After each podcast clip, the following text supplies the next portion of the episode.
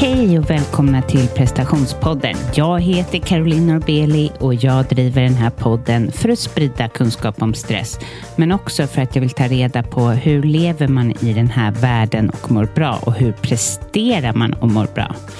Jag har ett nyhetsbrev som jag kanske ska döpa om till månadsbrev för att hjälpa mig själv lite.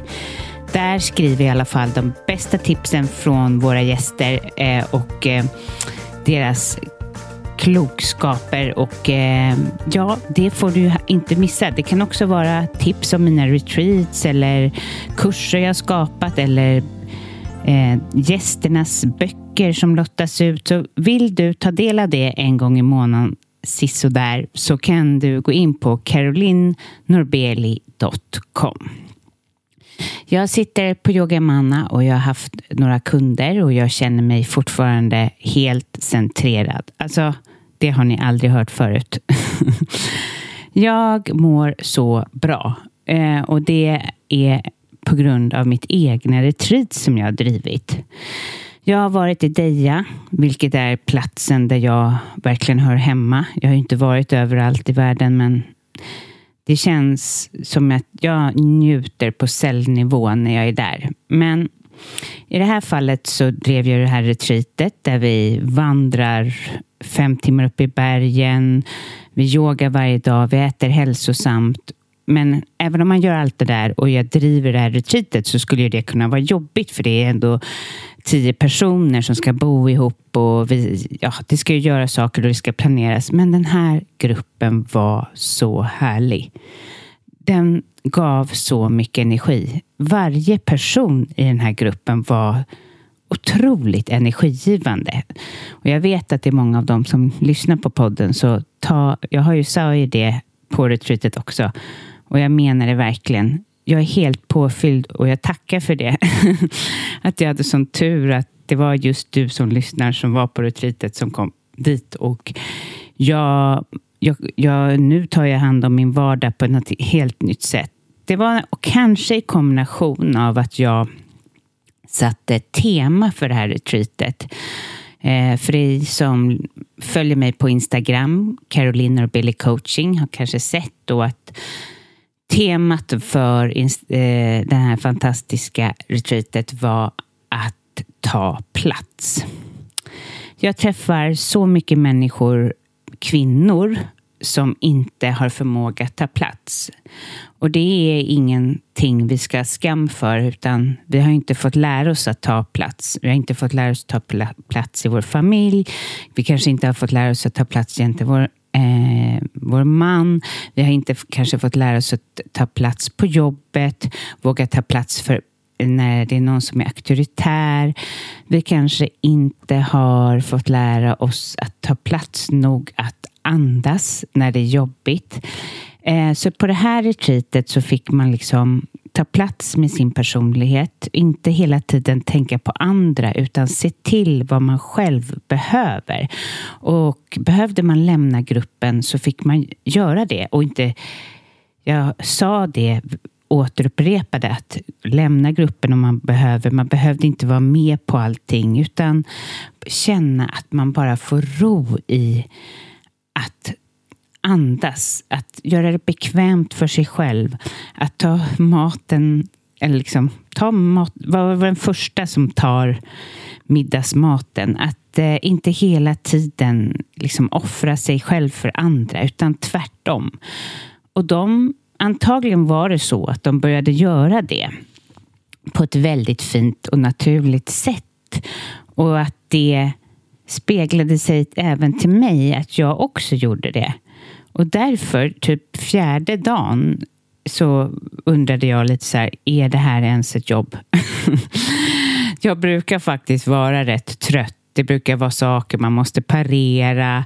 Det brukar vara mycket, det, alltså jag, jag, älskar att göra de här retreaten, alltid. Men jag menar, ni som jobbar med människor, ni, ni vet ju. Men det var så påfyllande. Det var så otroligt. Um, och vi hade det så bra. Alltså vandringen upp på berget som kan vara ganska tuff ibland um, var bara helt enkelt. Vi fick det perfekta vädret. Yogan var helt underbar. Min kropp har verkligen svarat an på den där yogan.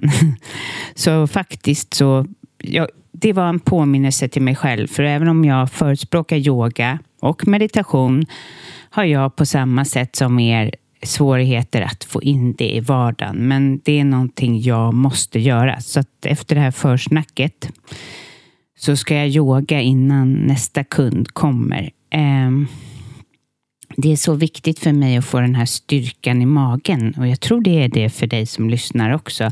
Att få styrka i kår så. Men eh, ja, så jag tänker det vad viktigt det är att ha med sig att våga ta plats. Att, eller att öva på att våga ta plats. Ta plats i livet. Eh, att det är något som vi inte har fått med oss. Så att det är någonting vi måste jobba på. Och jag har åtta platser kvar i mitt, på mitt retreat i oktober, 5-8 oktober. Eh, är du intresserad av det kan du gå in på carolinnorbeli.com. Följ med, det är helt underbart.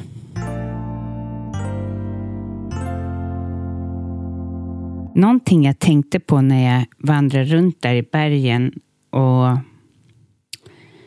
var där i Soler till exempel, den lilla byn, eller i Deja och sådär, är att det här ekorrhjulet som vi håller på med, ja, man kanske kan tycka att jag har ett lite udda liv med prestationspodden och med att jag driver eget så, men det är ändå någon slags något slags ekorrhjul med barnen och så. Eh, men, men att det är ju bara någon som bluff vi har kommit på att vi måste göra. Man kan faktiskt bara slå sig fri och göra någonting helt annat. Ja, det, ni kanske, du som lyssnar kanske tycker att ja, det här var inga nyheter. Men för mig var det så tydligt att det fanns massa människor där som levde på, som lever på ett annat sätt än vad vi gör. De har ett långsammare tempo, de är gladare, de, de bryr sig inte så mycket hela tiden om allting. De bryr sig inte om vad grannen tycker eller de bara... Ja, men det kanske de gör, men det är inte samma stre, st, eller så här, stre, vad heter det? De är inga strebers. Alltså vi, de är den här damen som jag beskrev i något, eh, i något avsnitt tidigare som bara dansar sig fram. Som bara inte bryr sig om någon annan, som njuter av stunden. Alltså det blir ju så tydligt. Det är därför alla älskar att byta miljö och komma till ett annat land där man får vara fri. Och det, så, det kände jag verkligen. Och apropå den där damen, för den pratade jag ju i ett eget avsnitt, så kommer ett eget avsnitt nästa vecka. Ehm, ja, oklart om vad jag ska prata om än, men eh, det kommer och eh, jag har ju sagt att det ska komma sådär en gång i månaden, men tiden rusar ju. Eh, så jag har inte jag har inte fått plats med det helt enkelt. Och eh, en annan sak som vi gjorde under retreatet som jag kan som jag kan prata mig varmt om med mina kunder, det är att skriva morgondagbok. Alltså skriva av dig in, liksom, när du vaknar, om du har mycket tankar och oro. Vissa vaknar med mycket tankar och oro. Att ha en ritual där du bara skriver, skriver så mycket du orkar. I all respekt för er som har småbarn och så. Eh, hinner man inte med det då så tycker jag att man även kan ta den stunden på kvällen. Skriva av, skriva av sig gör att man lättar, lättar det som oroar en, det som gör allting oklart, till att skriva ner, till att man får en mer klarhet inombords. Så man lämpar över sig den här ångesten eller stressen i den här lilla boken. Och en bok som jag väldigt som är så fin också, för jag tycker det är viktigt att man känner att man den här, om man ska skapa en sån typ av ritual, att man känner att den här ritualen, att man gör det med en fin bok som kanske lyfter den lite, så är det en kvinna som jag gärna skulle intervjua, men hon eh, välj, eller ja, hon gillar inte att vara så publik, men hon heter Sanna Sporrong. Och du kan gå in på www.sporongform.se och hon skriver böcker och de är så fina och snygga. Och då, där har hon en bok som heter Morgondagboken som är bara helt underbar att använda. Och man kan ju ha en bok som man, vilken bok man vill, men, men jag tror att när man ska sätta nya rutiner så är det ju bra att investera lite i den. Um, investera lite i den nya rutinen.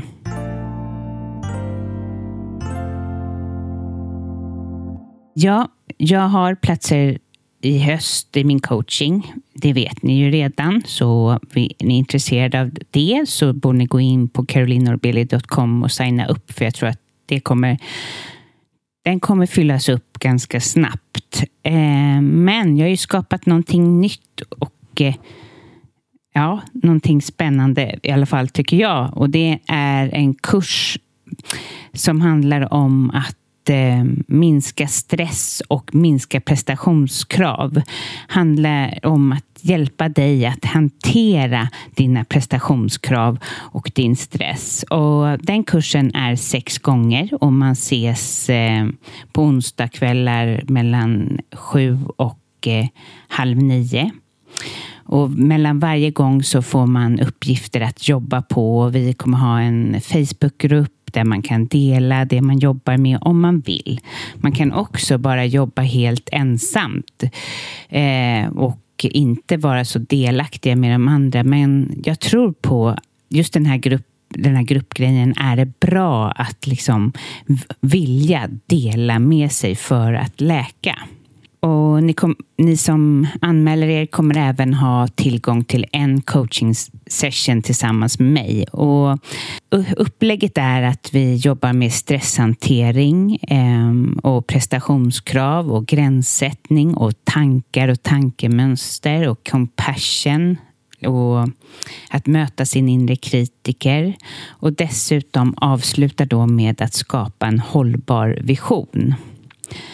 Och är du intresserad av det så gå in på min ja, mediokra hemsida och signa upp på carolinnorbeli.com och gå in på kurser.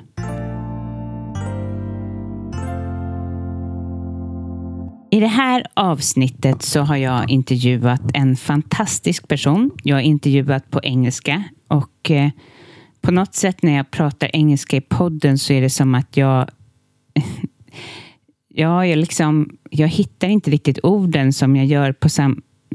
Det jag vill säga är att jag är mycket bättre i verkligheten på att prata engelska än i, i podden. Ja, men alltså, det är svårt. Man har så mycket tankar när någon berättar om sitt liv. Och, så att man vill ju svara an på det på alla sätt och vis. Det är som att hela min kropp vill prata. Men hur som helst. Eh, jag har intervjuat en person som har verkligen gett ett avtryck hos mig. Hon heter Michelle Baker och eh, varför jag tog kontakt med henne är för att hon är breathwork-instruktör. Um, och jag är intresserad av det och jag ställde frågan på mitt Instagram och då fick jag svaret från väldigt många att intervjua Michelle Baker. Eh, ja, jag, eh, jag ska själv lyssna på det här avsnittet igen. Jag blev väldigt tagen av hennes berättelse.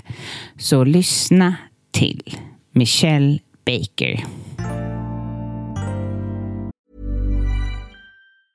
A lot can happen in three years, like a chatbot may be your new best friend. But what won't change? Needing health insurance. United Healthcare Tri Term Medical Plans, underwritten by Golden Rule Insurance Company, offer flexible, budget friendly coverage that lasts nearly three years in some states. Learn more at uhone.com. When you're ready to pop the question, the last thing you want to do is second guess the ring At Bluenile.com, you can design a one of a kind ring with the ease and convenience of shopping online. Choose your diamond and setting. When you find the one, you'll get it delivered right to your door. Go to Bluenile.com and use promo code LISTEN to get $50 off your purchase of $500 or more. That's code LISTEN at Bluenile.com for $50 off your purchase.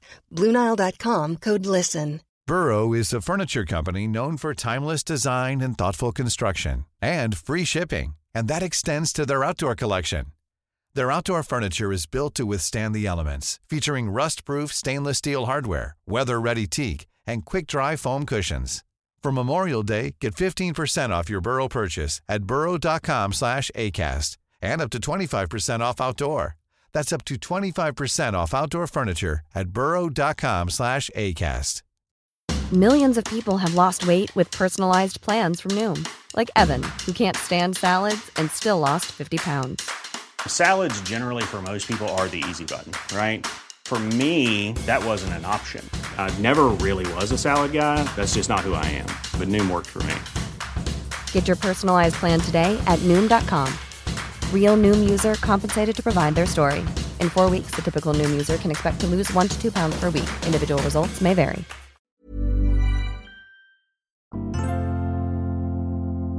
Welcome to Prestationspodden, Michelle. Thank you for having me. Thank you for coming. Uh, I have uh, been looking forward to do this. Uh, I heard you, you, you for a long time ago, or quite a long time ago, at Healthfulness Podden. Oh yes, such mm. a nice conversation. Mm. And also when I asked my oh, my listeners um, who do they want to hear to speak about breath work, it was your name coming up a lot. ah, that's sweet. uh, and pretty cool, since uh, as everybody can hear, you're not from Stockholm. No, I am not. Or you're not from all. Sweden. Uh, yeah. Mm. Mm -hmm. So tell me uh, where you're from and who are you? who are who you? am I? I think I'm still trying to discover that too. Me too. Um, but I um, was born in upstate New York, so about three hours north of um, New York City, mm. uh, in the countryside. Um, so quite different from where I live now. I live in Varberg, so I live on the west coast of Sweden, right on the ocean. So definitely oh. a different uh, landscape, similar climate, mm. but different landscape. Mm. So, how has it been for you to move here? Uh, it's been bittersweet. I'm very happy to be here. Mm. The first couple of years were a little bit difficult. It was um, surprisingly a little bit of a culture shock to come. Oh, um, I came directly from New York City, so I lived there for about 10 years. Mm. And um, I was ready to leave New York. So I was thinking of actually heading to Colorado, which is a completely different landscape than Sweden for the most part. Mm-hmm. Um, but I met my partner um, in Mexico, of all places, and we decided it would be easiest for me to be in Sweden than for him to try to come to the States. Mm. Oh, so how has it been? I mean, uh, as we talked earlier mm-hmm. about the energy in New York is like, oh, I would be I love New York, but I, to live there, I think it's too much for me because you sort of have the same thing going on inside of you. it's, a, it's a reflection, but uh, so it must it's um, it must be so much more quiet for you. Yeah, it is mm. definitely a lot quieter. Mm. Definitely not as busy. I, I spent um, my twenties in New York. And looking back, I can't imagine spending them anywhere else. I'm super, super grateful for those experiences. And mm. I used to say um, that I feel like once you get into your, once I got into my 30s, I was like, oh, okay, I survived my 20s. Okay, here mm. we go. Because every year of my 20s was so vastly different.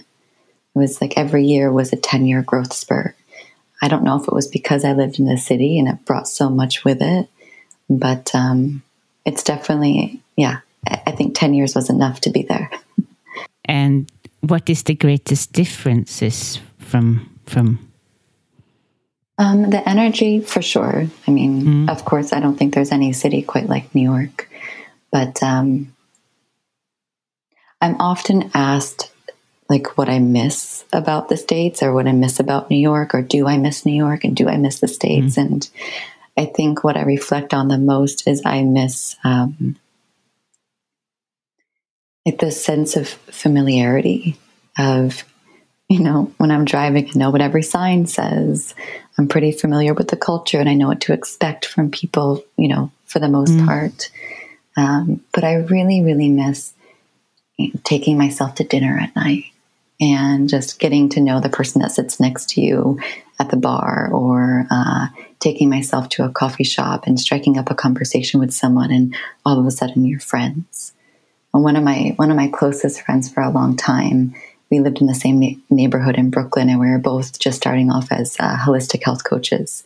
And so at the time i don't i don't know when this was it must have been 2013 or so.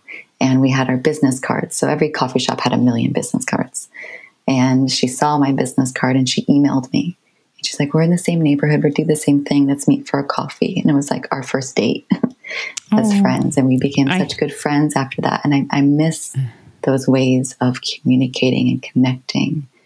Oh, oh, cool! Because we have gone to the same school, IIN. Yes, and yes. it was a very special school for me, and mm you changed a lot. So when I went to that school, I needed new friends, sort of mm. friends with the same interest. So I understand that yeah. that was very good for you. Yeah, it's, it's, helpful mm. to have conversations with someone, um, yeah, who's kind of on the same wavelength or has similar interests. Mm. Yeah. yeah. Mm. But and you were in the fashion business, no? Oh, yes. Uh, my first uh, college experience was uh, in San Diego, in California. And I went to school for fashion design and technology.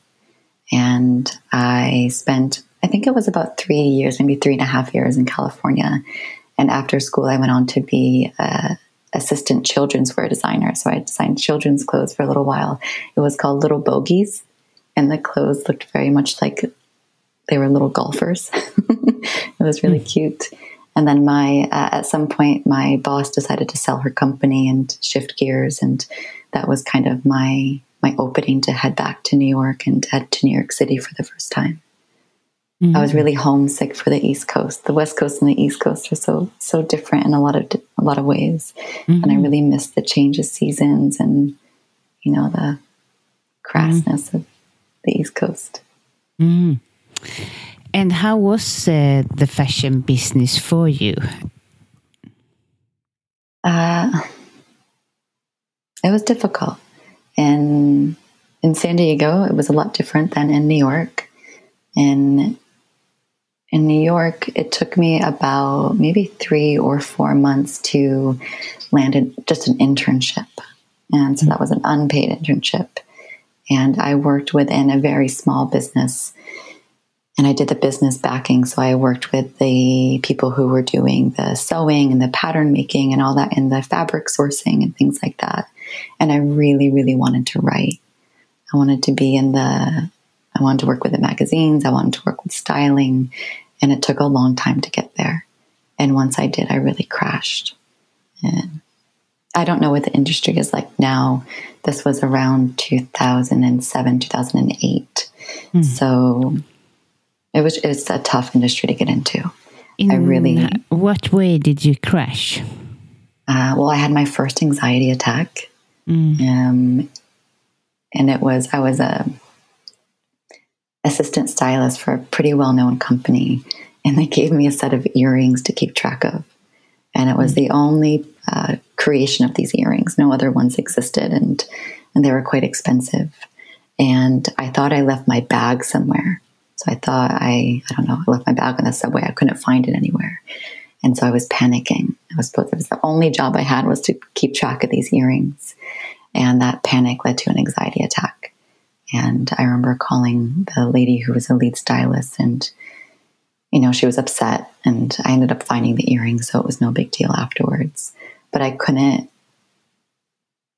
yeah, I couldn't believe I was having an anxiety attack over losing something material, like a pair of earrings. It wasn't that big of a deal, you know. So that really sent a wake up call in my system of what am I doing? What's going on here? It was.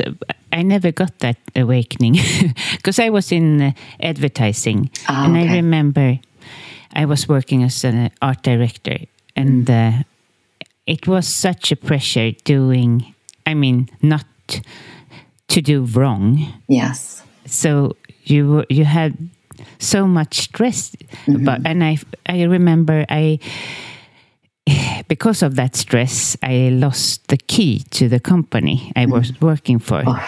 And the, the the owner of the company, my boss, he punished me uh, in the way that he didn't give give uh, me a key, so I had to always wait for him uh, outside, and I was always first and always la- last one to go. So it was like, "Hello, come on, give me key." But it, That's so you tough. were so I was also so afraid of doing wrong, and I can't understand how you can have a business like that. I mean, uh, I can see, uh, see um, my uh, son. He's playing football when he's when he is in teams uh, where it's okay to to to lose and okay to uh, uh, do something wrong. He plays fantastic. Yeah. But when he's in a, a team, when when it's like you have to do right, you have to be good, you, we can't lose this, then he he freezes. Yeah. And he freezes in the same way as my customers freezes when they go to uh, to their jobs or whatever. Oh. Well, if there's no room for failure, there's like much less room for success. You can't have one without the other. It's impossible. You know? so what? So um, what happened with you there? You got your first uh, panic attack, and Yeah, and for for a while when I was in the fashion industry, I um, a lot of my ways to deal with my anxiety or my stress or even with depression was to be in the kitchen. Um, so I, I come from a background of uh, eating disorders, so my relationship with food hasn't always been incredibly healthy. Um, until I started going to the gym and just realizing that my body needed more. And so I would, yeah, be in the kitchen. I'd be making all my food. So my control went from not eating to controlling everything I ate. So, you know, for better or worse, it was at least I was eating food and consuming. Um, but that also helped me with my anxiety within the fashion industry or within my work in general. Um, and at some point, the partner that I had at the time suggested that I go to culinary school. His uh, his sister, I think, had just gone to culinary school, or she was in it, and that might be where the idea came from. And yeah, I enrolled. I'm kind of a yes person. if someone suggests something, I you know, I listen for that gut response, and if something really resonates, I just go for it. And yeah, so I decided to drop out of the fashion industry, and I enrolled into culinary school. another tough. another very tough industry, yes. Especially to be um, a woman within that industry in New York City. It was tough.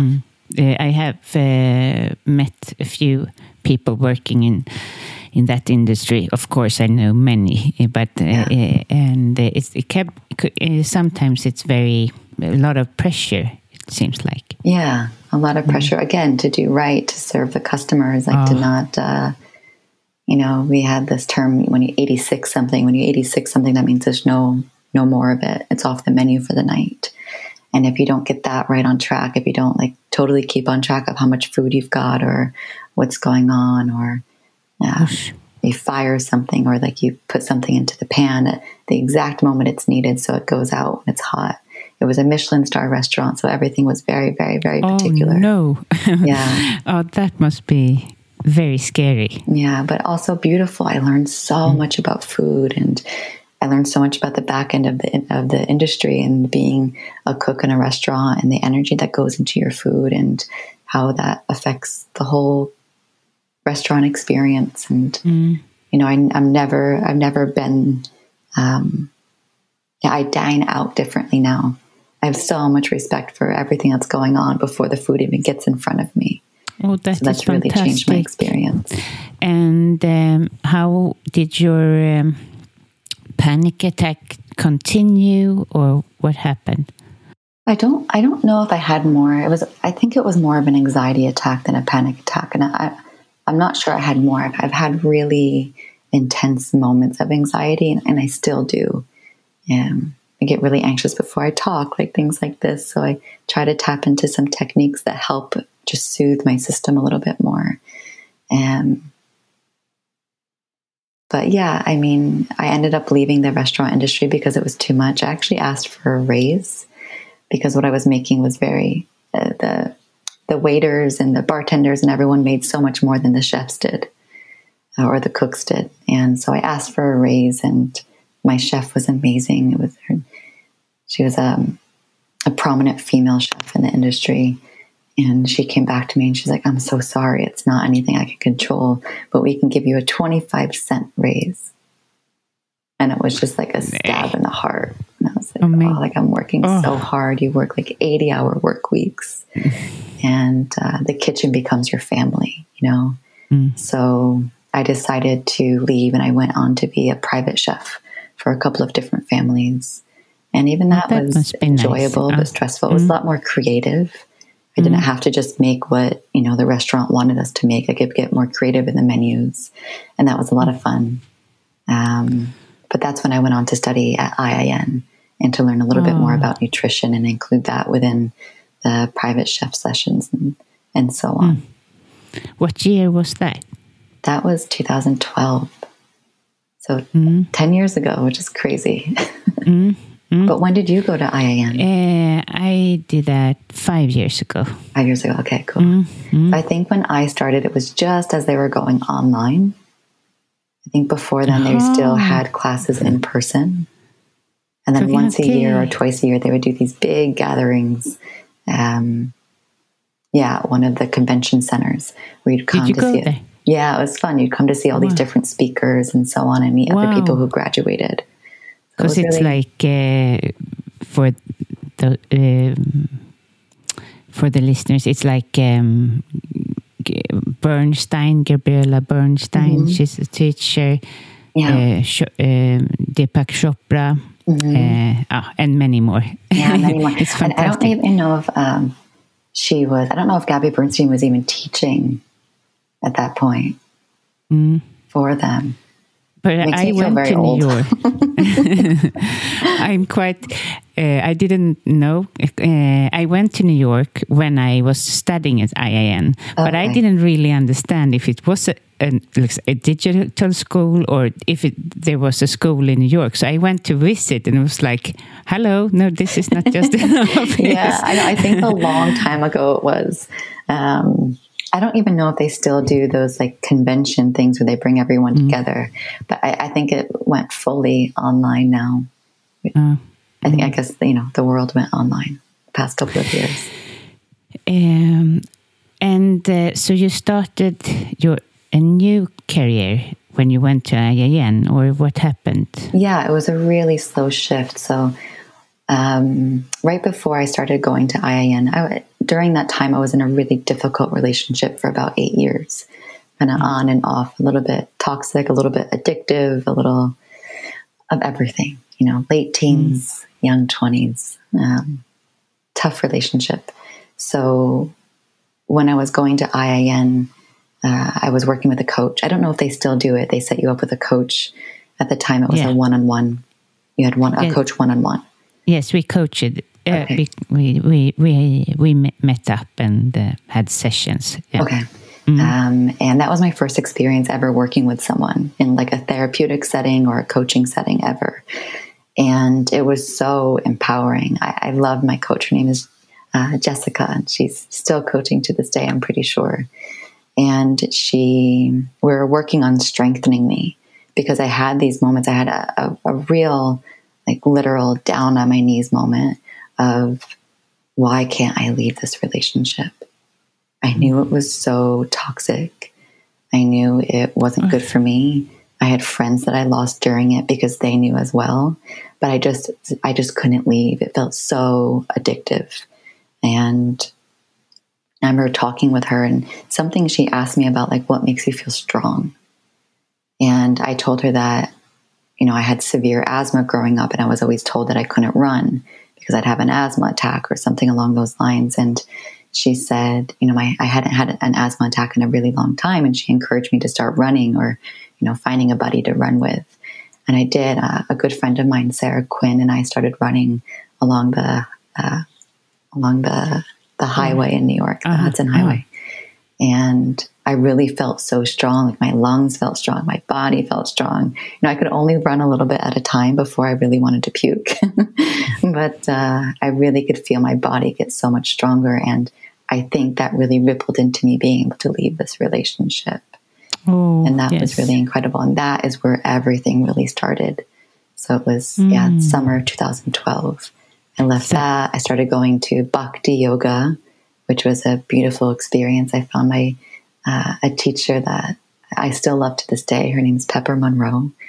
And going to her classes really helped me as well. And that was kind of my holistic health experience in the yoga world and movement and breath and all those things. So you started to get curious. Yeah. Oh.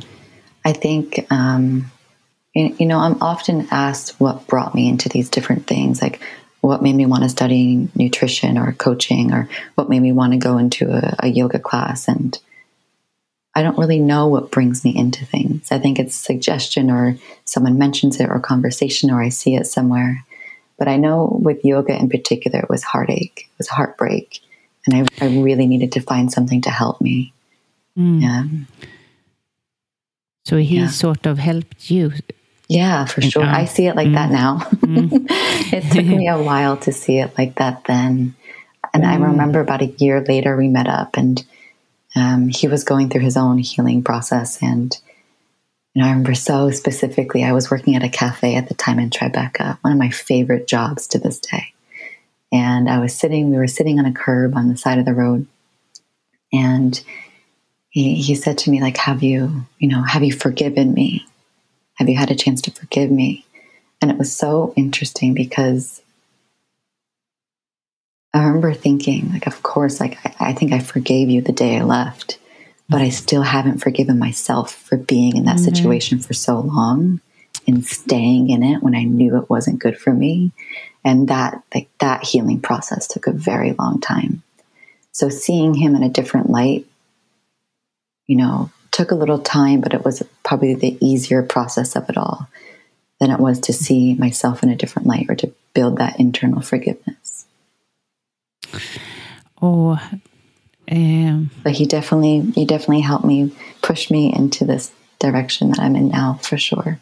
Yeah, sometimes the, uh, I mean, you don't understand when you're in a bad situation, and yeah it pushes you to something very good. Mm. Yeah.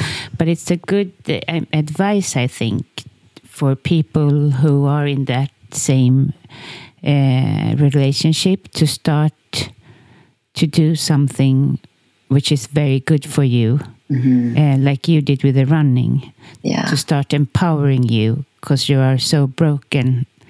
Uh, yeah. And you need to do something new, I think, or to get to look at the situation in uh, from another angle. Yeah, a different mm. perspective, and mm. sometimes all it takes is for someone to ask you, like, "What makes you feel strong?" or mm. you know, or even the mm. opposite, like, "Where do you feel weak?" And I felt weak in relationship. I've not only relationship with this person, but relationship with myself. I didn't know who I was or what I could do, or what I was capable of. And I think that's kind of what landed me in that position. Yeah. And, and I think it's really important to talk about too a conversation I've had with a friend recently of, you know, sharing that story with her and telling her, I, I know what it feels like to be in something and, you know, have these conversations of why can't I just leave? And I think a lot of people have that situation or have been in that situation. And like, I felt so stupid. I felt so, I don't know. I, I, I just couldn't understand with all the information I knew why I couldn't just like gather the strength to go. Um, so I think it's important to have that conversation too, so you don't feel so alone. Uh, if you don't mind me asking, where did your or does your anxious what do you say it anxious yeah when i'm anxious, anxious uh, a very difficult yes. word but anyway why why do you have those feelings the anxious feelings uh, um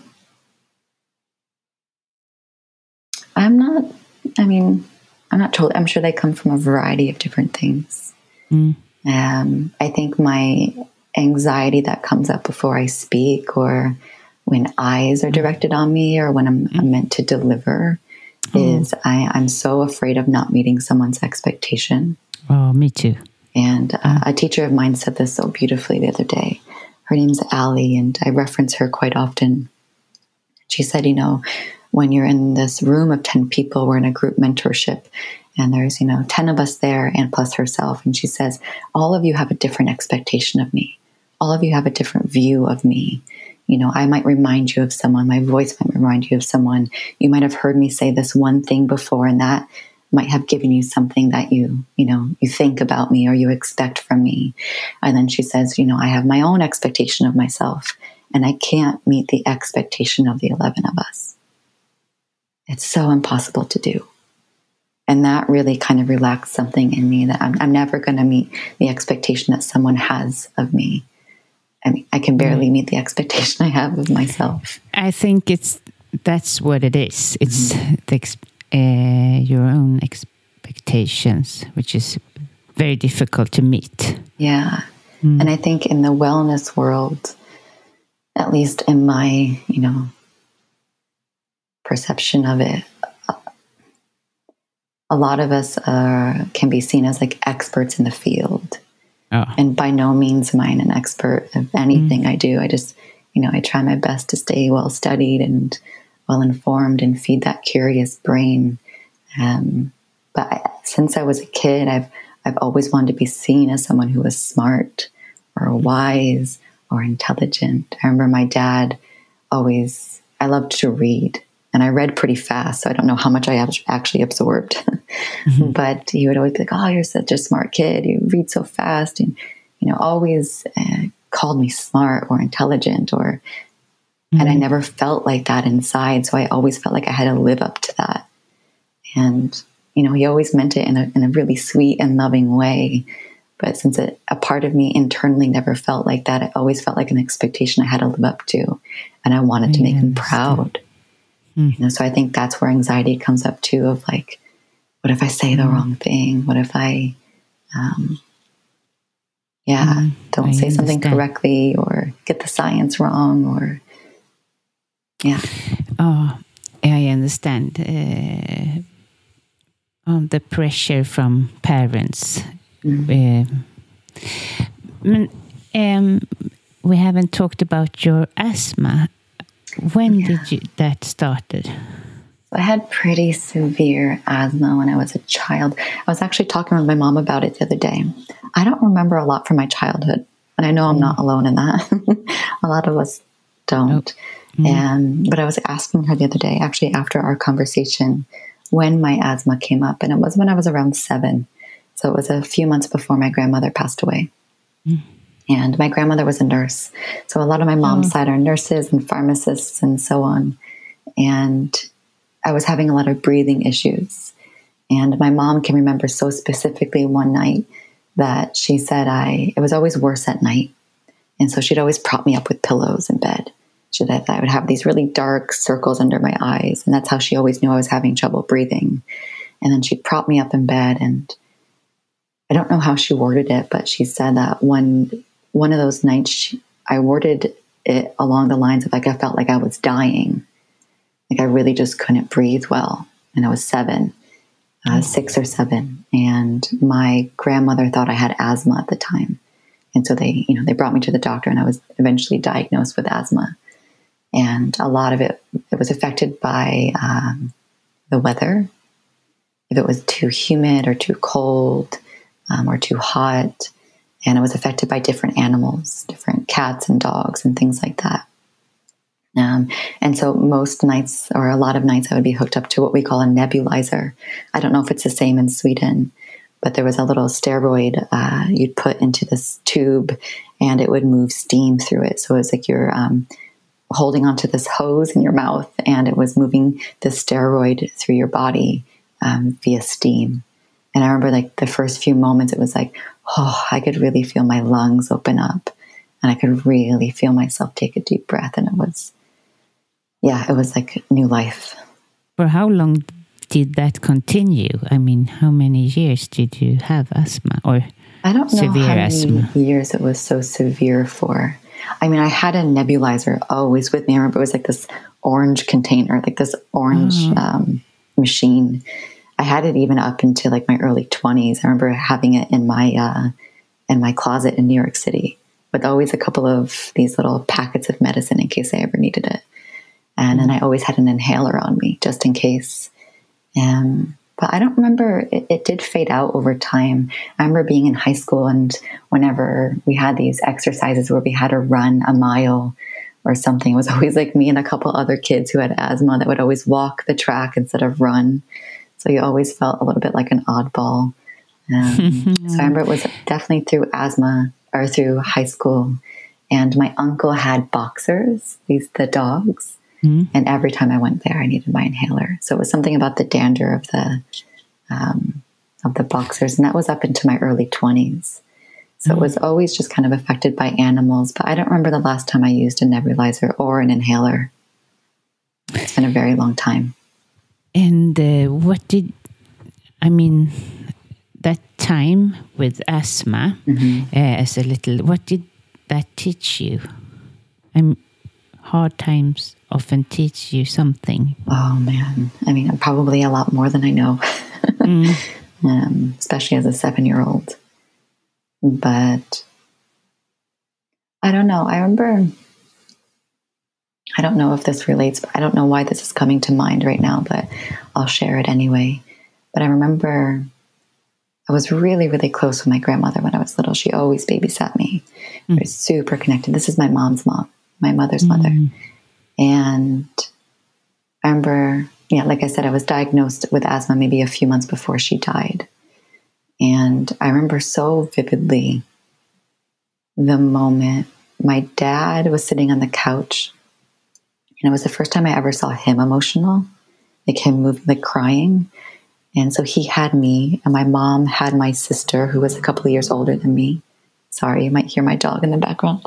It doesn't. Um, and he explained to me that my grandmother had passed away, that she would no longer be around. And I knew things were happening because they would drop us off at our brother's house. And my brother is like 12 years older than me. So he would babysit, him and his girlfriends would babysit us. And so I knew something was happening because my parents kept going to the hospital and things like that. And I remember when he was telling me, and he was so emotional, and I remember not crying. My mom tells me I never cried and never mourned her death or never cried when they told us, and she was pretty shocked by that. And I don't know if it was because I saw my dad be emotional and I felt like I had a hold for him, but I so vividly remember like asking, What does that mean? Like, where did she go? And I think it was my mom that said that she went to heaven. We're Irish Catholic, so we believed mm-hmm. in heaven. And uh, you know, I didn't know what that meant. And she, oh, she'll live forever in heaven. And that to me felt so scary that you could live forever somewhere. So it wasn't really like the death that was. Even if I think about it too much to this day, it gets me a little freaked out. Uh, I wasn't so scared of death, but I was so scared of afterwards you live forever. Like, what is that experience? That sounds scary. like, no end to something. And so that was really, I don't know, all of that was very interesting for me. Cool. But it, Oh. it was years later that I actually mourned her death, and it was through a breathwork experience. Oh, yeah, yeah, you told me earlier on. Uh, we have that in common. Yeah. Um, uh, uh, to be very close to our grandmothers. It is. Both of your grandmothers or your mom's mom? Uh, no, um, my father, oh, both of my grandmothers, but my, my father's mother is Oh, she is dead, but we Okay. we are very close. we Do you still feel a connection close. to her today? Oh, absolutely. Yeah, for sure. Nej, men when I I called um, for a cat, I called. Uh, we were about to buy a cat, Mm-hmm. and um, her cat's name was Frallan when she was uh, living, Cute. and. Uh, uh, I just called and um, they said, well, well, we have one cat left, but only, uh, so you know, the cat's name is Frallan. Oh, yeah. And I was like, okay. and that was like one year after she died. And it's, uh, it's, uh, she keeps uh, i keep I, I don't know if it is that i want to see her still she was um, we were so alike mm, Yeah. but but also different but she was um, working with um, prisoners in um, and uh, she helped them to find a job Oh, wow.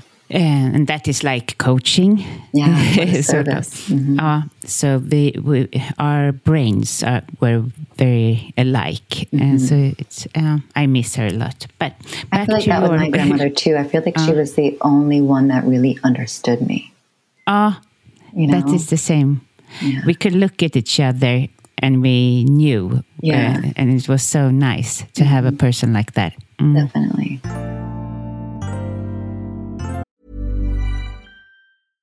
Ready to pop the question? The jewelers at BlueNile.com have got sparkle down to a science with beautiful lab grown diamonds worthy of your most brilliant moments. Their lab grown diamonds are independently graded and guaranteed identical to natural diamonds, and they're ready to ship to your door. Go to BlueNile.com and use promo code LISTEN to get $50 off your purchase of $500 or more. That's code LISTEN at BlueNile.com for $50 off. BlueNile.com code LISTEN. Hey, I'm Ryan Reynolds. Recently, I asked Mint Mobile's legal team if big wireless companies are allowed to raise prices due to inflation. They said yes. And then when I asked if raising prices technically violates those onerous two year contracts, they said, What the f are you talking about, you insane Hollywood ass?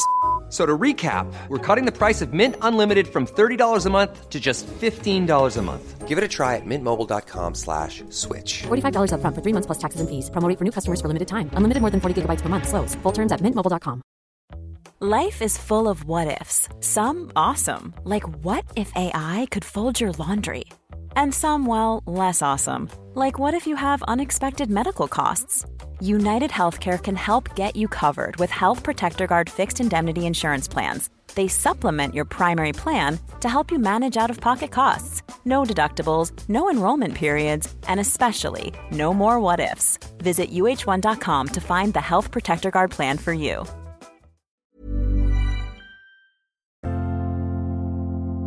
So, um, talking about breathing, uh, um, how did you get into breath work? Um, well, I was introduced to different styles of breath work when I started practicing yoga in, yeah, around 2012, 2013 or so. Or sorry, did I interrupt something here? We started to talk about uh, you were in you were talking about your grandmother, and then I started talk about mine. But did I interrupt? So now when I I don't interview in so English, you, I um, you actually asked me what asthma taught me.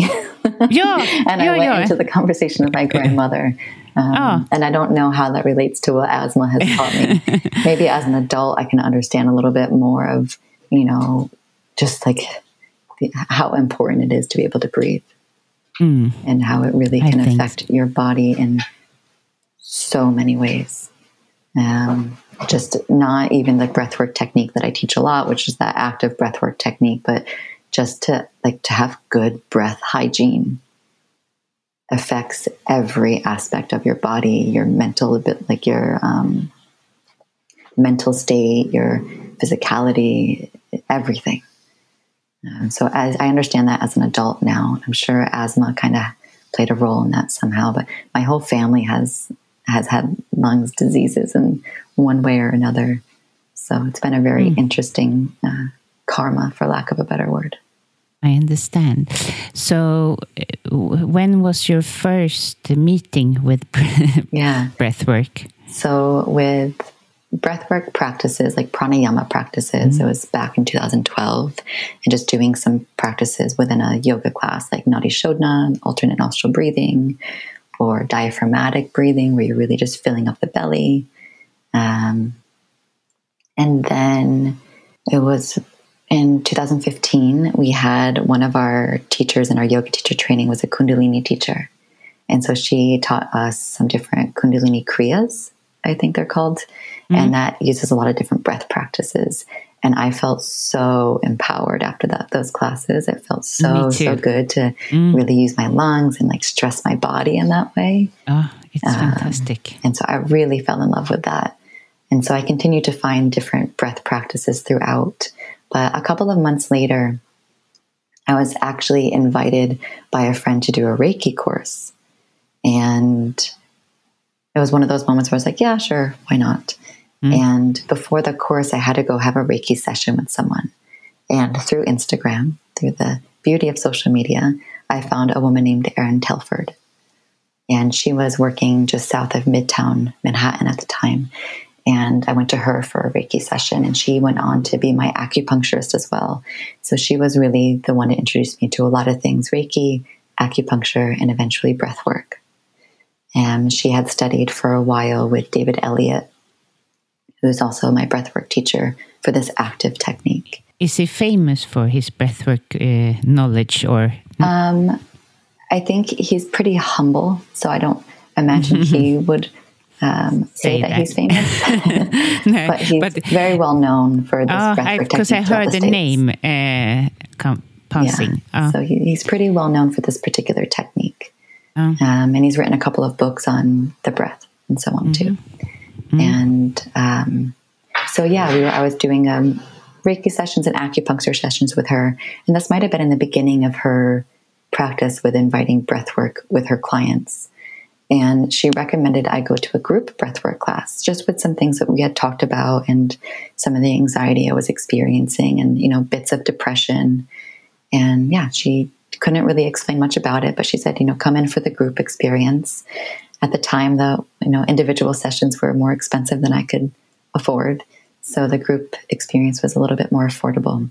Yeah, so I decided to go, and it was a very wild experience in so many ways. It was in this beautiful space that no longer is there, but it was called Maha Rose in Greenpoint in Brooklyn. Yeah, it was just a wild experience in and of itself. Cool. Oh, and what did you experience? The class itself, there was probably 40 of us there, and we started in a circle. She explained a little bit to us, not a whole lot, and there's a lot of physical experiences and emotional experiences I didn't really expect. She might have explained it, and I just kind of was in my head and not listening. Um, but uh, yeah, she took us through a meditation, and we all laid down almost hand in hand. It was a very small space, and we just laid out blankets, and everyone just sprawled out on the on the ground. And she brought us through this breath technique. And as we were breathing, you know, I felt a little bit lightheaded at first, and somebody next to me started crying somebody like, you know, on the other side of the room started laughing. And I was like, what is going on? I was like, this is, you know, I was a little bit apprehensive.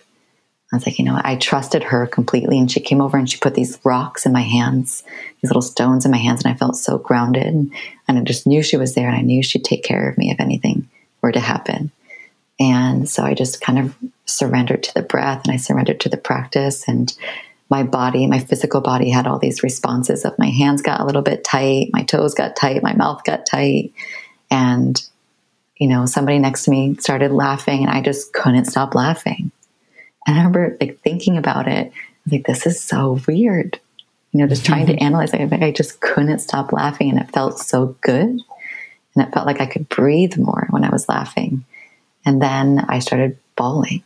I started just sobbing and even that, like, it didn't feel scary. It was just Natural. so interesting. Mm. And then eventually, uh, we went into this rest phase, and she had this wonderful music. She had like Prince Purple Rain was playing, and all these different songs to kind of help you move through emotion. And I remember going into the rest phase, and I was a chef at the time, and my hands were like little claws, and I was like, "Oh my god, I'm never going to be able to cut a vegetable again." Because um, they got stiff. So they got really the stiff. Yeah, ah. it can happen in this type of breath work ah. sometimes. Cool. And uh, ah. Yeah, laying there in that rest phase, it was like total bliss. Mm. It felt like I was both so heavily grounded and floating at the same time. And I remember feeling this feeling of nothing matters. Like, it, it, no big deal. Everything's okay. Mm. Like, no sense of anxiety or depression or worry. And it was, the, I felt like the first time in my life I ever felt like that of like, everything's okay. And, and it makes me emotional just thinking about it now, just like yeah. that feeling that you get. And I knew right away that the experience I had that was going to shift the whole dynamic of the work that I did. Mm. I wasn't totally sure how, but I knew I was going to go on to teach this practice. And it took me several years to do, maybe three years before I went on to do a training. Um, but the breath continued to make a huge impact in my life. And I remember going through a breath practice, and that's kind of where I found out that I never mourned my grandmother passing. Mm. Um, I was actually really angry at her for passing. And a lot of that came in the breathwork practice, followed by a really big cry. But um, but yeah, oh. the breath has oh, given me a lot of tools. Beautiful. Oh. And now you are a breathwork teacher. Yeah. Mm. And uh, did you? How long did it take before you start to study, or became a, a breathwork teacher? Um, I went to study with David in, I think, spring 2018. Mm-hmm. Um, yeah, almost, almost, almost exactly four years ago. He came to Italy, and he was doing a like a week long training, and mm-hmm. so I went there with my closest friend Alex, and studied with him. And for me, if I wait to teach something, I might never teach it. Exactly. so it was like I, um, my teacher Pepper, who was my yoga teacher, who I mentioned, she also did the breathwork training. So I set up private sessions with her virtually um, to come back to after the training, just to kind of keep me in it. And so I would do sessions with her, and then I think a month later, I had my first group breathwork session and where I was bringing other people in. And I had a couple of private sessions with friends to see what it felt like to bring them through the sessions. So I started teaching almost directly afterwards. I tried one of your uh, sessions or through um, through the computer, but yeah. uh, for me it was like uh, you created a piece of art. It was mm. not just a it was not just a session where I was breathing. It was also a, a, piece of art. That I want to do it again though, because it, those weeks now has been so much for me mentally because of this retreat. Because it's like top on having customers having um, prestationspodden and going to Mallorca and two kids and and a husband who so so went away for this week uh, oh, okay. for a week. Uh, but so I will do it again. And uh, but uh, it was, I mean, you are. I mean, it was uh, like magic for me. Mm. It was a, uh, it was uh, fantastic. Everyone should try it.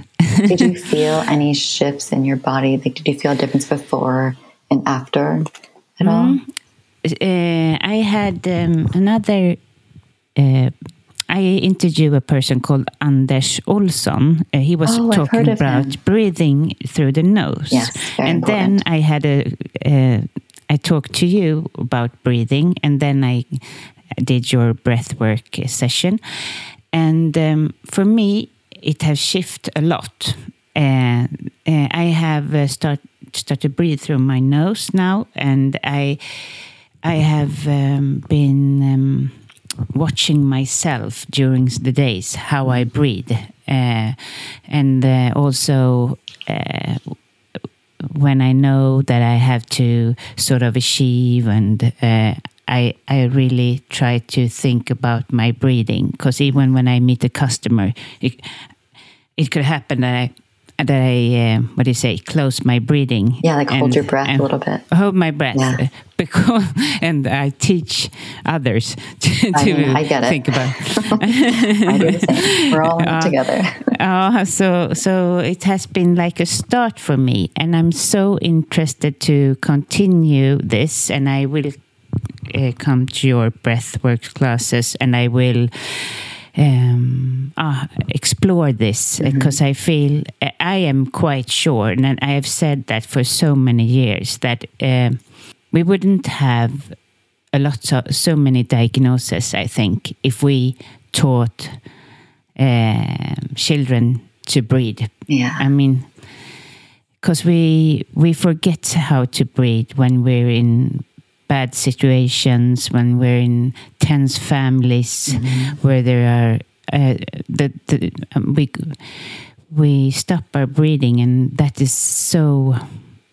Uh, it is uh, dangerous or dangerous, but it's it's not good for us in the in the long run. No, it's not. And I can feel that I I need learn how to breathe even more. yeah, mm. and how that mm. affects, you know, your nervous system Mm. and how it affects, yeah, your mental state so quickly. I mean, mm. even your emotional state, you can notice um, if you start to run like irritation or frustration or anything like that through your body, you'll start to feel like the breath gets really short and shallow.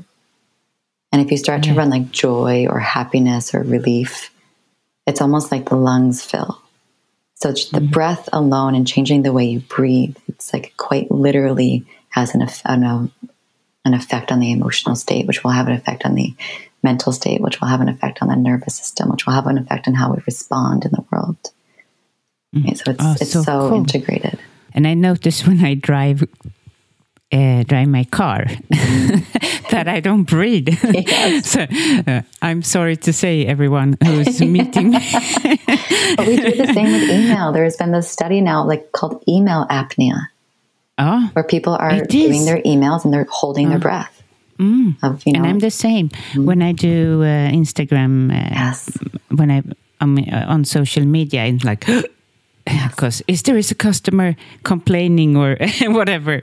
Uh, I was telling a friend the other day they should instead of all these you know ads that come through, it should be just like Yeah. ads that say breathe, breathe. Uh, exactly. you know, like little breathe. that could at Don't least be helpful. If you're going to keep social Yeah. media, give us something to work with. You know, Yeah. give us some reminders.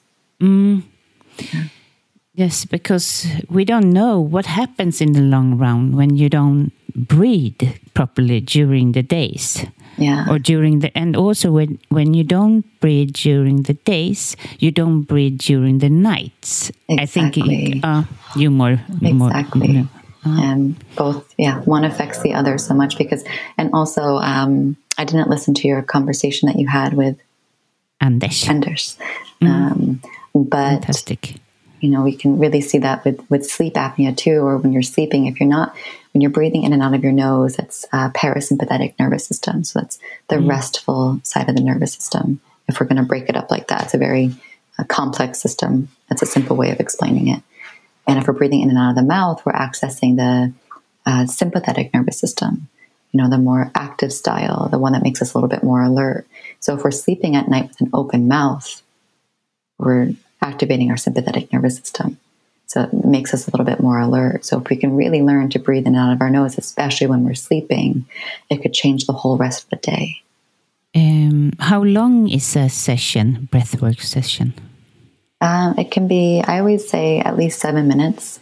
The first in this particular style of breath work, this active style. Um, There's many different styles of breath work, but with this more active style that I that I often teach, I usually say anywhere around seven minutes at least, because that'll get you over that um, resistance phase or through that resistance phase. Um, my teacher describes it as moving from like the masculine side of the brain to the feminine side of the brain. Um, to me, it's almost like a shift of being in the head to being in the body. And that usually happens around the six, seven minute mark or so. So I usually suggest at least that much time.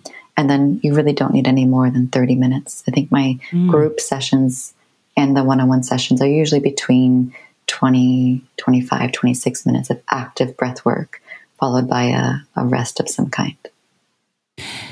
Because that's uh, one thing you, I think, to get that into your schedule. Uh, also, you uh, you are taught that you have to meditate, and then you go out running, and then ah, exercising, and don't forget to build muscles. Uh, yes, the list then, is on and on. Uh, the full time job. So, mm, uh, but that, that's but with good. this practice, Half I mean, you hour. could do three minutes. You could do one minute. Yeah. You know, one of my yeah. teachers once said, "Close your eyes, open your eyes. You've just meditated." Mm.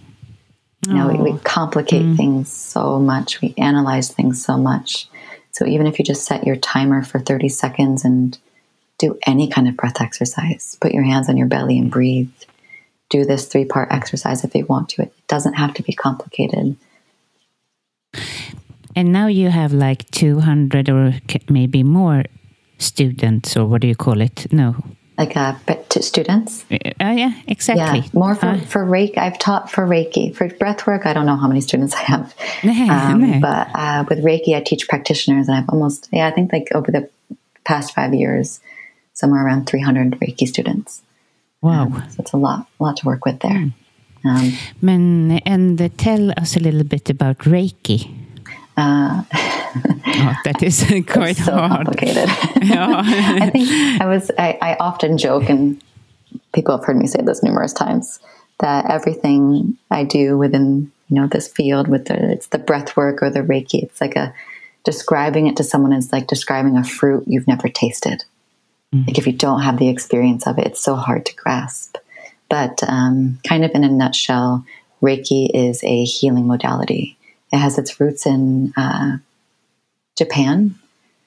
So, Where has breathwork uh, roots? Breathwork usually has its roots in India. So this particular mm. practice, I think David's been teaching for like 25, 30 years. And it's mm. something that his teacher taught him. Mm. And there's a long story about it. But um, almost every single breath practice can be is thousands of years old. Mm. Um, even Wim Hof, I think he teaches what's called Tummo breath work, T U M M O. Um, and that's it. You can see a lot of it in the really ancient texts. Mm. I don't know what the name of this one would be. David doesn't even have a name for it. He just calls it breath work or breath work healing, you might hear it as. Uh, and uh, back to Reiki. um, so, uh, for for the listeners who doesn't know what Reiki is. What is it? Yeah, complicated. um, but it's mostly a hands on technique. Some people work mm-hmm. with the energy body, or some people work with distant Reiki.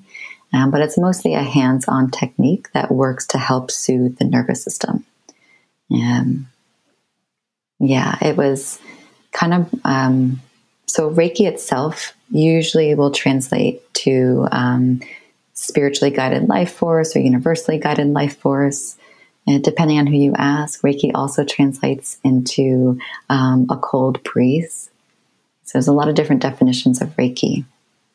Um, there's a, a, man named Dr. Usui, or some people call him Usui Sensei or Mikao Usui, who created what's called Reiki Ryoho or Reiki therapy. So I think Reiki gets a little bit confused because we only call it Reiki rather than calling it Reiki therapy. So Reiki itself is ancient. It's like life force. It's like the breath. Um, and Dr. Usui created a way to kind of use this life force, use this energy. I usually compare it to the breath in a sense that no one created the breath, but people have created breath practices. No one created Reiki, but people have created ways to work with Reiki and they call it therapy.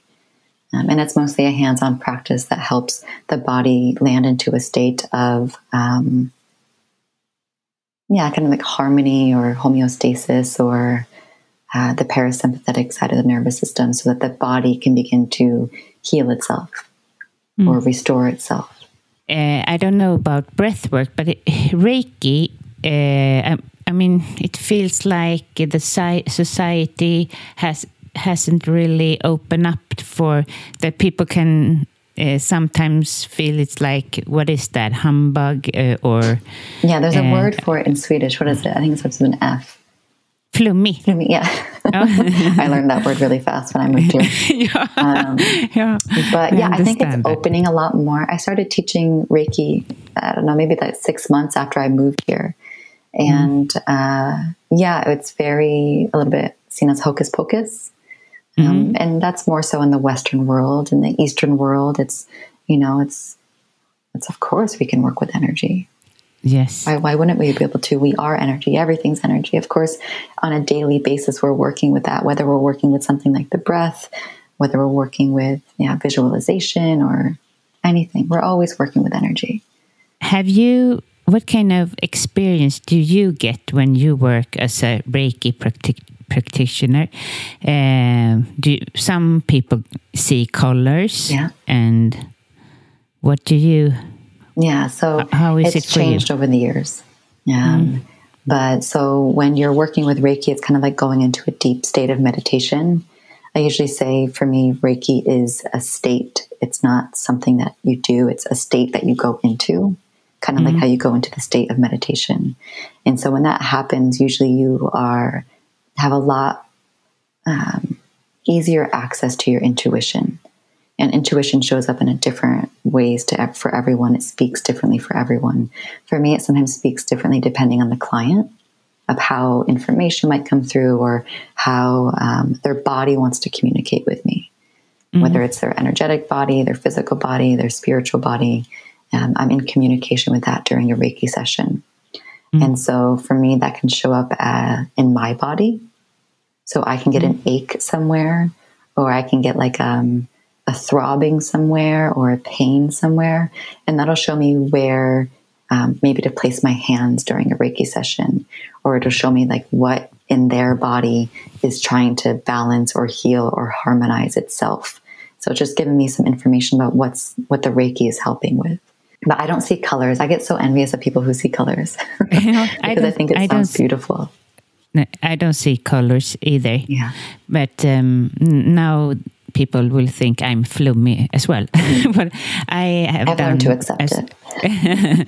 I I have done the first uh, what is step of uh, Yeah, Reiki healing. Ah.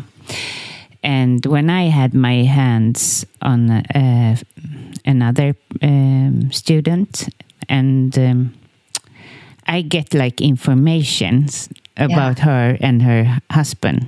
So how does So- that come for you? Is it like a knowing? Is it It's a knowing. Yeah. It's like the same knowing as I get when I uh, uh, coach coach Yes, people. yeah. I get like informations, but I don't know really how. But it was very uh, uh, clear for me when I did it at this. Um, uh, education. Now I start Yeah. to get tired in my head. It's No, yeah, like we have done this sure. over. Uh, uh, Yeah. and uh, I held had my hands. I didn't know her at all. I met her like an hour or something, Mm-hmm. and I was like, hmm, she has problem with her husband, and hmm, she doesn't get enough room in her uh, relationship. Mm-hmm. And then I told uh, my teacher asked me to tell what I felt Yeah. when I had my hand. So I told her it open, like to her. and later on, she came to me like, wow, you were spot on. so it's, and the strange things with, thing with me is that I, I coach, uh, but I haven't continued with my Reiki.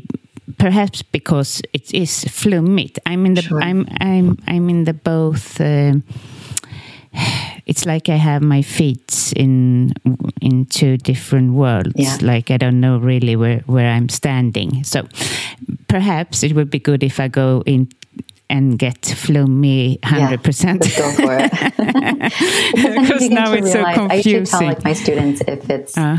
if if um like a lot of students are a little bit nervous that someone's going to think they're like that, Mm-hmm. and it's like, well, what do you think about it? Like, what's your experience with Fleming? Like, what do you think of yourself? What do you think of Reiki? And it's always that you know bringing it back to self reflection. But it's just at some point it just doesn't really matter. It goes back to that expectation of like I'm never going to meet anyone's expectation of me. And Exactly. So I just got to work on what it is that I feel. But I also have a foot in both worlds. I love Oh, the yeah, I science. I, understand. love the energetics of it. Um, I noticed that. but it, it's complicated. It is. It is. I've never wanted to be seen as a spiritual teacher. Nej. Somebody once called me that, and I almost threw up. I was like, "Oh no, Let's not say that. no, no, no. but I, as I told you in our first conversation, I like to go for your Reiki course uh, number two Yeah. in this autumn more than to step into the flummy, fl- the flummy word. Ja. And I hear And- a lot that once, um, like going into Reiki level two, I've heard this from students, kind of helps the Reiki practice land Oh, because there's so much information to learn about Reiki. Um, so it just, you know, another step can kind of just land things a little bit deeper. yeah. I think I would need that as personally. And then to meet other people who do it. I think, again, coming back to that sense of community, talking with others who do it, because then you feel less alone, or I feel less alone. Um, it's such a beautiful community. Exactly. mean, it's not. It's. I mean, it's the same thing as if I or whoever goes into a room with a lot of people. You can feel, oh, oh, here it's here is there is someone who is angry. I mean, so it's not so strange that I can feel uh, her. Uh, No, it's whatever. not strange at all. It's the body's communicating. We do it all the time. We communicate all the time without words, all the time. And you can even feel this when you're thinking of someone and they call you, right? Or, I mean, we have this incredible technology that you are and I are on, where you're in Stockholm, I'm in Varberg, and somehow we're meeting, right? Through the satellites or however it's happening. You know, but energy is, you know, works in a very similar way. It's just it's hard for harder for the brain i think more so for the western brain to comprehend that it can happen Exactly. Oh, this is very strange that we can see each other. Uh, mean, yeah, it's recording a podcast. if you think Oh, about that, is that's wild. strange too Yeah. oh, I have a lot more to ask you about. I mean, it, uh, I love this uh, conversation with you, and I will probably contact you again, and you can tell us more about what you're doing, or breathwork, and all your thoughts. Uh, it has been very interesting uh, for me. Mm. oh, very nice to speak with you too thank you And if uh, they want to get con- in contact with you, where should they? Is it your uh, web? yeah oh, the Sure. website has everything up to date more than anywhere else so it's just michellebaker.co.co and then instagram you know it's always mm. a landing spot Yeah. Um, mm. but yeah website is always the most updated oh, that is good. Are you doing that yourself? Yes. Well, I have somebody who um, actually, when I start, I'm going to start with her in June, and she's going to, I'm going to have a whole new website with some other things happening. But, uh, but yeah, I, I update everything myself. Thank you. Have a nice day, and uh, ah, see you in uh, this autumn. Yeah, hopefully in September. And thank you so much for a lovely conversation.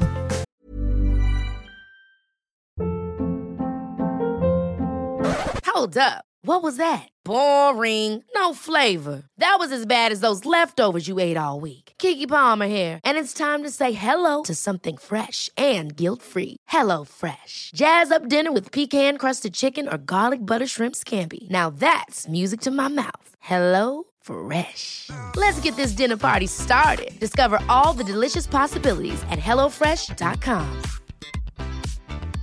Hey, it's Paige DeSorbo from Giggly Squad. High quality fashion without the price tag. Say hello to Quince. I'm snagging high-end essentials like cozy cashmere sweaters, sleek leather jackets, fine jewelry, and so much more. With Quince being 50 to 80% less than similar brands. And they partner with factories that prioritize safe, ethical, and responsible manufacturing. I love that. Luxury quality within reach. Go to quince.com slash style to get free shipping and 365 day returns on your next order. Quince.com slash style.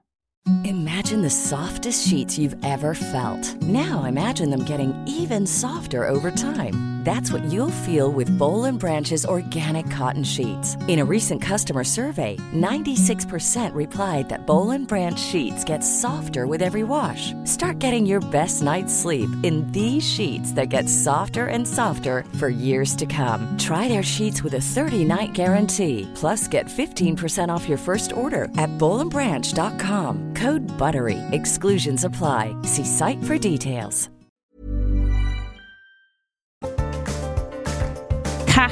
Till alla er som lyssnar. Alltså, jag är så tacksam för varenda person. Ehm, och vill du hjälpa mig att sprida podden så får du gärna skriva på Instagram när du tycker att det var bra. Jag förstår om ni inte vill göra något inlägg eller sådär, men jag, jag blir glad för bara lite. Annars kan ni gå in på podcastrappen, lämna en recension eh, lämna fem stjärnor. så då kommer, kommer andra att hitta. Eller så skriver ni bara. Skriv vad ni tycker om podden. Hur har den hjälpt er? Då blir jag superglad. Så nästa vecka så blir det eget avsnitt för dig som tycker det är kul och för dig som inte kan vänta till veckan efter. Ha det bra. Hej hej!